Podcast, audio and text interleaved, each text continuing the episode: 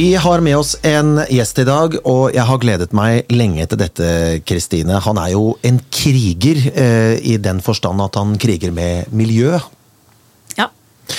Ruben Oddekalv, leder for Norges Miljøvernforbund, velkommen til oss. Takk, takk. Hei.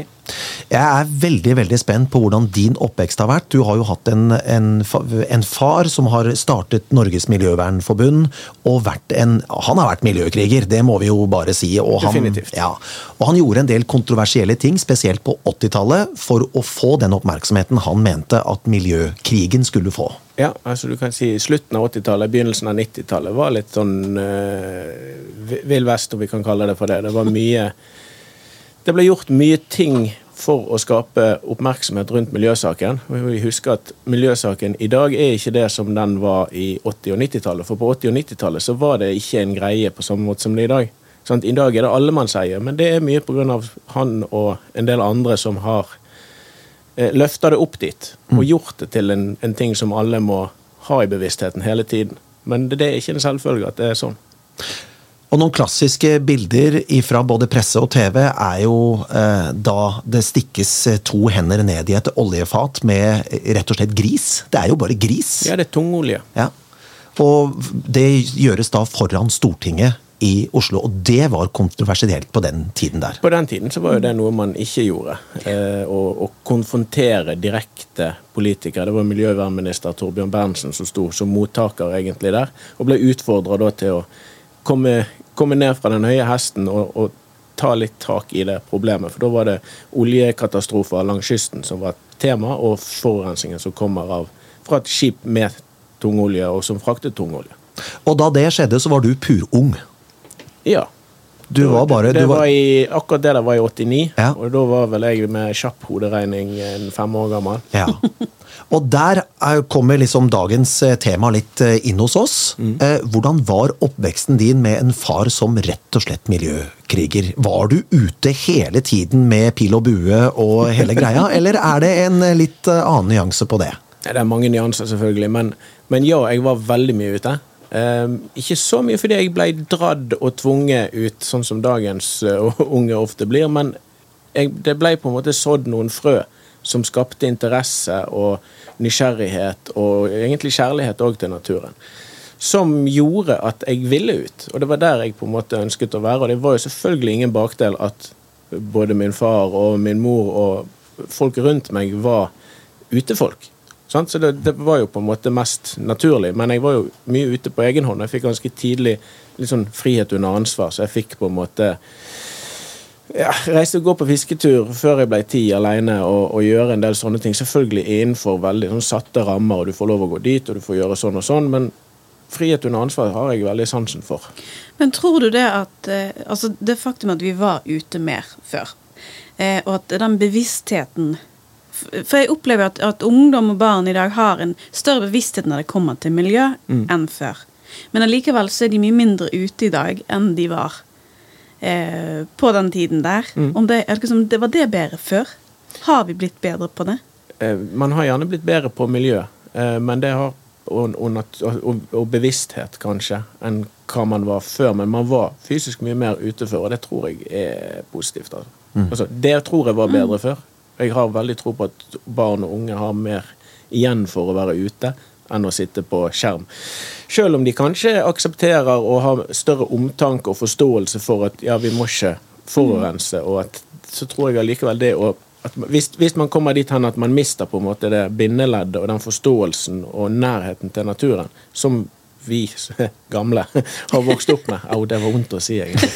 Vi er ikke gamle. Nei. Nei, men altså, det er noe med det der at, å, å, å faktisk eh, la, det, la seg bli påvirket. da. Altså, når du sitter, En ting er å sitte og lese og tilegne seg kunnskap Mm. om miljø og miljødebatt, men en hvis du aldri er ute og aldri får et forhold til miljøet direkte, Ja. så Ja, det er en teori- og praksis-bit der som jeg tror man, man misser litt ut på. Og, og hvis man kun kan teorien og ikke på en måte har vært der i praksis, så, så blir man fort litt sånn separert, og du tar kanskje litt sånn feile vurderinger, og du får en sånn veldig sånn teoretisk tilnærming til noe. Og det er jo noe man ser i Hvis vi forholder oss på miljø, på en måte, så er det noe, noe du ser når det kommer til miljøspørsmål rundt omkring. Det er en del sånn teoretiske løsninger på ting som ikke vil fungere i, i praksis, og så får man sånn her eh, CO2 er det eneste som teller, for det er det som passer inn i grafen og malen. Og så glemmer man på en måte det her håndgripelige at Eksempelvis at en plastpose kan komme CO2-messig bedre ut enn en papirpose. Mm. Men det er ingen hvaler eller fugler som har blitt kvelt av en papirpose. Altså Man mister kanskje den mm. forståelsen at ok, her er et større bilde. Hva skjer i froskedammen hvis vi slipper ut dette? Og da, ja. Den tror jeg man misser litt hvis man kun sitter inne og spiller Pokémon og lærer mye om natur. Teoretisk. Ja. Men hvis vi eh, går til, til Froskedammen, da, mm. som eh, er en veldig viktig del av min oppvekst. Mm. Eh, froskedammen Jeg hadde en rett, rett i nabolaget, ja. eh, og den tok vi ekstremt godt vare på. Det var disse, det var disse froskeeggene og så var det hele veien da frem til eh, rumpetroll, ja. og så videre. Og det var en spesiell utvikling å følge med på. Tror vi at eh, barn, bortsett fra dine barn, da, for jeg regner med at de eh, går jo foran som et veldig veldig godt eh, eksempel, og du har nok helt sikkert tatt med deg mye av din oppvekst.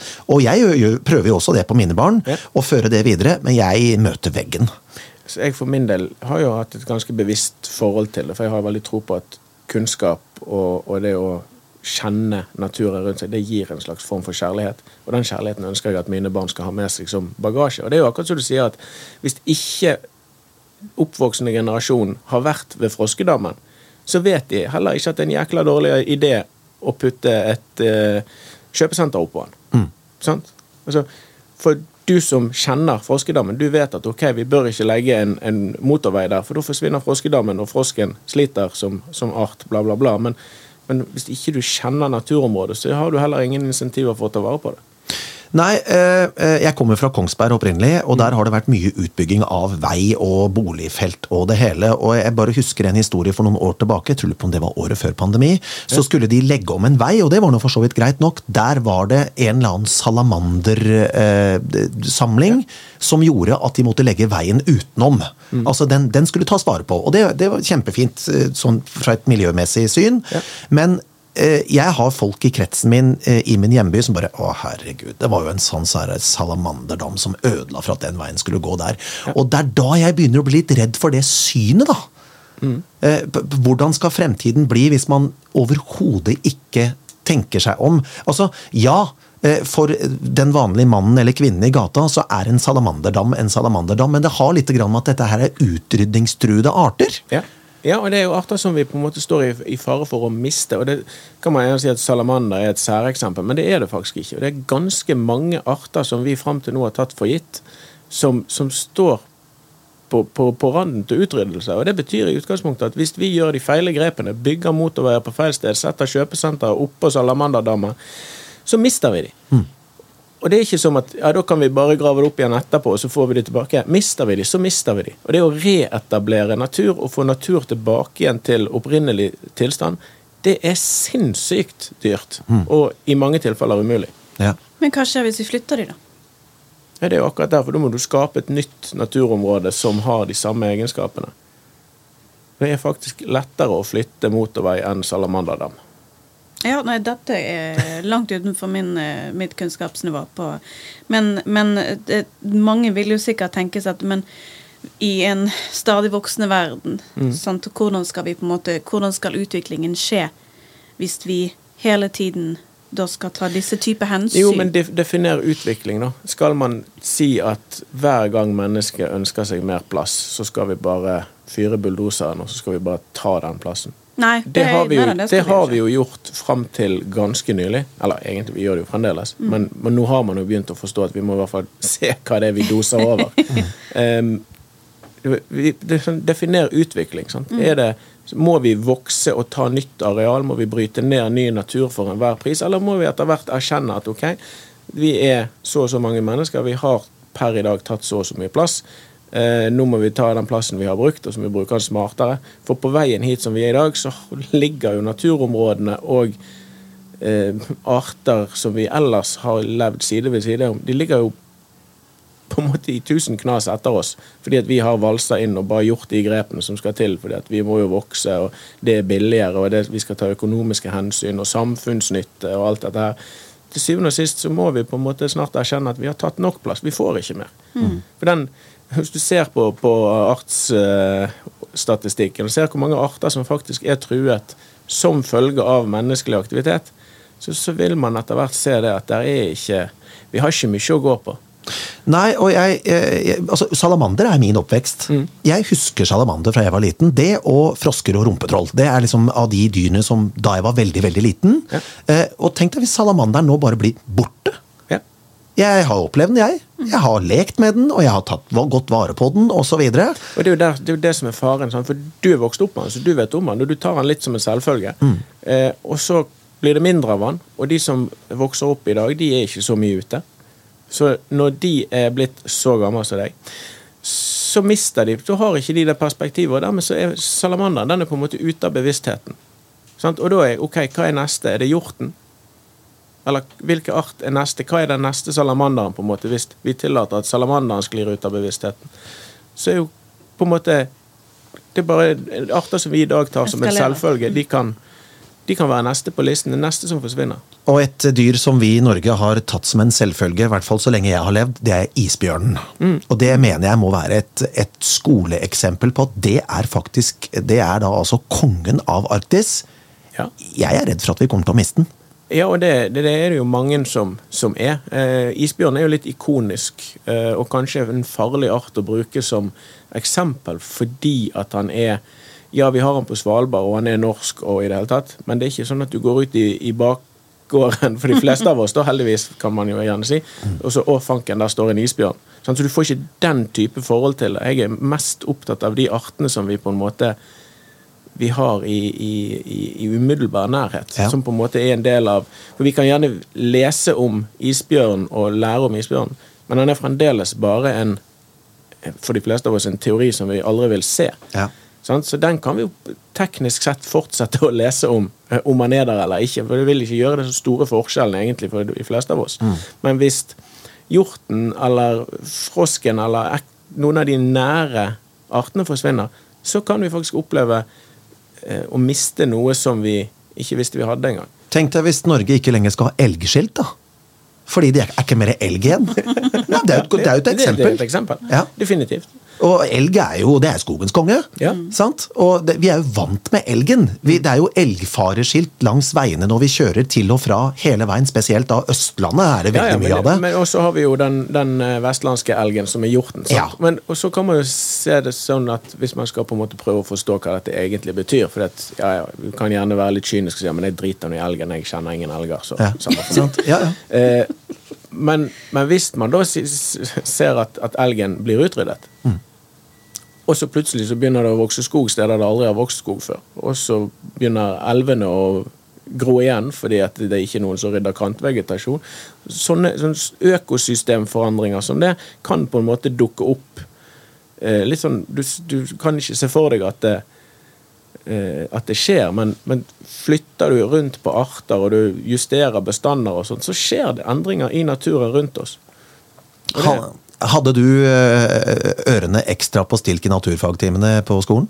Mm, ja, var, eller ja, ekstra på stilk. Det var jo litt sånn, Jeg kunne mye av det fra før. Så i enkelte tilfeller så var jeg med og, og bidro på en måte. Og kverulerte litt med læreren, kanskje. Men, men jo, jeg har alltid vært veldig, veldig interessert i naturfag og natur og dyr og arter og sånn hvorfor og økosystem og hvorfor er det sånn og hvordan henger det sammen. Så jeg var veldig glad i naturfag. Men du er jo håndverker. Ja.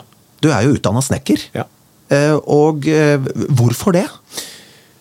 Ehm, fordi at jeg har på en måte hatt to eh, lidenskaper opp igjennom. Det ene er natur og dyr og arter og sånt. Og, og jeg både jakter og fisker, ivrig i begge deler, egentlig. Høst av naturen har vært viktig for meg. Men samtidig så har jeg òg alltid likt å skape ting og lage ting med hendene. Primært med naturmaterialer, og dermed så har det jo da blitt eh, mye trearbeid. Um, og kombinert litt med Miljøvernforbundet sin, sin filosofi. Vi jobber med fire ting. Det er ikke bare miljøvern, det er òg bygningsvern.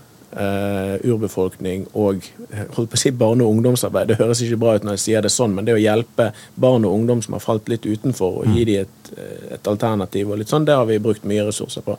Men spesielt den bygningsverndelen har jo jeg brukt mye, mye tid utenom jobbtid på, om det går an å si. Og, men helt fra, helt fra jeg var liten, så var sløyd det var, en- det var favoritten sammen med naturfag. Ja. Er sløyd på skolen fortsatt? Heter vel kunst og håndverk i dag, tror jeg. Ja. Men har, vi har fysisk Vi har Ja, men jeg tror de, jeg tror de strikker like mye som de spikker. Ja. Men de har sløydsal. Ja. Det har Ja, de. de- Ja da, og, og, de, og de får gjøre litt sånn trearbeid og sånt, men de får ikke så mye tid dedikert til det. Hvilket kanskje er naturlig nok fordi at man i, i dagens samfunn ikke har så mye igjen for å, å ha de kunnskapene. Nei, men, likevel så har man jo et fokus på at man skal ha gjenbruk. Sant? Som, Mm. Ja, det blir jo nok viktigere og viktigere igjen nå. Ja, øh, og det der med at å, å tilegne seg den der praktiske kunnskapen igjen, som Mm. vi snakket litt om i sted. Øh, hvis du ikke har et forhold til hvordan tingene blir tatt vare på og blir gjort og Ja, og- bygget, og- så mister du også Forståelse for hvordan de er bygget, og, og hva som skal til da for å reparere det igjen. Ja. Og det var jo nok gjerne der sløyden og, og kunst- og hånd, eller håndverksgreiene startet i skolen. sant? Mm. Greit nok før, så for, hvis vi går litt lengre tilbake i tid, så var det guttene hadde sløyd, mens, mens jentene hadde håndarbeid. Men og så kom det litt lengre, heldigvis, da, og så ble det på en måte alle skulle gjennom det samme, for at man har ikke så stor forskjell på kjønnene. Men jeg har veldig tro på det at å kunne fikse ting. Det er jo knapt noen ting hjemme hos meg som ja, Selvfølgelig vaskemaskiner og sånt, det er ikke jeg noe sånn racer på å fikse, men, men sånne andre ting. altså Hvis noe ryker, så klarer vi stort sett å fikse det. Men vi, har, jo- vi lever i en sånn bruk og kast-mentalitet, Mm. eh, nå. Eh, og der har vi jo en, en jobb å gjøre. Det kommer jo Definitivt. Ja. Men derfor tror jeg jo at kanskje en del av disse sløydfagene kan komme litt tilbake igjen. Fordi at man, man igjen får for Nå har vi vært i en sånn her liten boble. Mm. Det er ikke så lenge siden sløyd på en måte datt litt ut av. Nei, på Men- ingen som helst måte. Men jeg tror jo kanskje at man kommer litt tilbake igjen til det. At, at folk igjen vil se at oi, fanken, vi må ta vare på de kunnskapene og forståelsen for hvordan man fikser ting og vedlikeholder ting. Ikke minst. Hus og bygninger, naturlig nok fikser du det siden du er utdanna snekker og har interesse for det, men syr du hullet i buksa di? Sjøl? Eh, jeg har lyst til å si ja, Mm. eh, for jeg kan det. Eh, men i praksis så har jeg eh, Jeg er jo rotehove som alle andre. Så, så Men du kaster ikke buksa? Nei, nei. Nei. da. Jeg går heller med hullet. Det det Nei da, jeg, jeg kan sy. Sånn, altså, jeg kan ikke sy, men jeg, jeg kan fikse et hull. Eh, Jeg kan sy på en knapp. Eh, Men jeg er flinkere å sy skinn enn i stoff. liksom. stoff Ja. Men eh, barna dine, da? Kan de sy? Hvor gammel er de, forresten? Åtte og ti. Åtte og ti. Så De er sånn halvveis unnskyldt. Men, men de bruker en del tid i, i, på verkstedet mitt og, og ja, knoter rundt med verktøy. De produserer egentlig ingenting annet enn sagspon og ting som ligger i veien for meg. Men, men det var der jeg òg begynte. Mm. Det å på en måte få leke, med, ja, få leke med verktøy, forstå det, få lære seg hvordan det fungerer og, og sånn, det er Men kjenner du at de har interessen for det? Ja. Fordi du har rett og slett, eh, om ikke pushet de, så har du i hvert fall eh, vist, vist de muligheten for at her kan det skapes noe. Ja. Ja, istedenfor uh, at man sitter inne på mobilen eller på iPaden. Når det er sagt, uh, jeg har barn som vokser opp i den samme tiden som alle andre sine barn, Ja. så jeg eh, Der er nok mer Pokémon enn uh, jeg setter pris på. En verste. Nei, men altså det er det. Det har vi jo snakket om før i tidligere podkaster. Men det er noe med den balansegangen. Altså Ja. Det ene ekskluderer ikke det andre.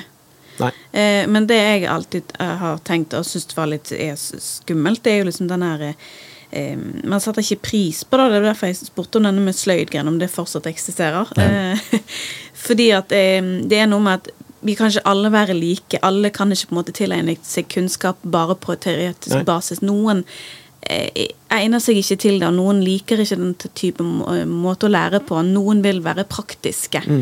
Eh, og det er jo stadig debatter om dette, at vi har ikke nok håndverkere lenger. Det er liksom er en sånn krisestatus der vi har hentet det utenifra. Eh, og det er jo en grunn til bekymring, for det er jo hvis vi skal snakke da, miljøperspektiver og, og hvordan vi skal på en måte få ting til å gå rundt igjen og prøve å komme oss kanskje i vater, hvis det er helt tatt mulig, jeg vet ikke. Eh, så jeg tror jeg det er i hvert fall er viktig at, eh, at man Ja, har den praktiske kunnskapen. Jeg tror jo at skolesystemet sånn som det er i dag, er nok gjerne moden for en revisjon når det kommer til det. For det er veldig teoretisk og akademisk opplagt. Men det er ikke alle mennesker som er teoretisk og akademisk. Og mange er faktisk eh, drivende dyktige, kan være lynintelligente, men allikevel dritdårlige på skolen. Så skolen er bare én måte å lære på, og jeg, sånn som jeg ser det, så er det eh, veldig nyttig hvis man på en måte skaper det rommet, sånn at de som faktisk er håndverkere i, av natur, på en måte, får lov til at ikke du tramper de gjennom den samme jævla matematikken som alle de andre, men la, man, la folk få få vokse litt i, Ja, må- som seg sjøl. Du må gjerne ha matematikken, men de må Jo, kanskje men- til, men den- tilnærmes på en annen måte. Og Er det der kanskje sant? Steinerskolen for eksempel kommer inn i bildet? Ja, det kan godt hende. Jeg kjenner ikke eh, opplegget der, men det, noe sånt, ja. Ja. At man da på en måte går litt utenfor den der typiske A4 grunnskoleopplæringen hvor alle sammen skal settes inn i en bås. Nå skal vi lære dette. Så kan man da lage sine egne var bøker, og det finnes jo alternativer der ute. Jeg var en av de som er kjempedårlig i matte på den måten som det ble lært på i skolesystemet. Mm. Mens hvis en annen som skjønte at ok, du trenger å lære det på en litt annen måte, altså her har vi en kopp og to kopp, altså Ja. den praktiske tilnærmingen til det, så skjønte jeg det plutselig på en helt annen måte. Ja. Så det er som det Ja. Ja, jeg var jo en av de som var ganske kjapp når jeg var ferdig på ungdomsskolen. Så fikk jeg muligheten til å få en læreplass. Så jeg hoppet fra ungdomsskolen, altså fra 10. klasse, og rett i lære.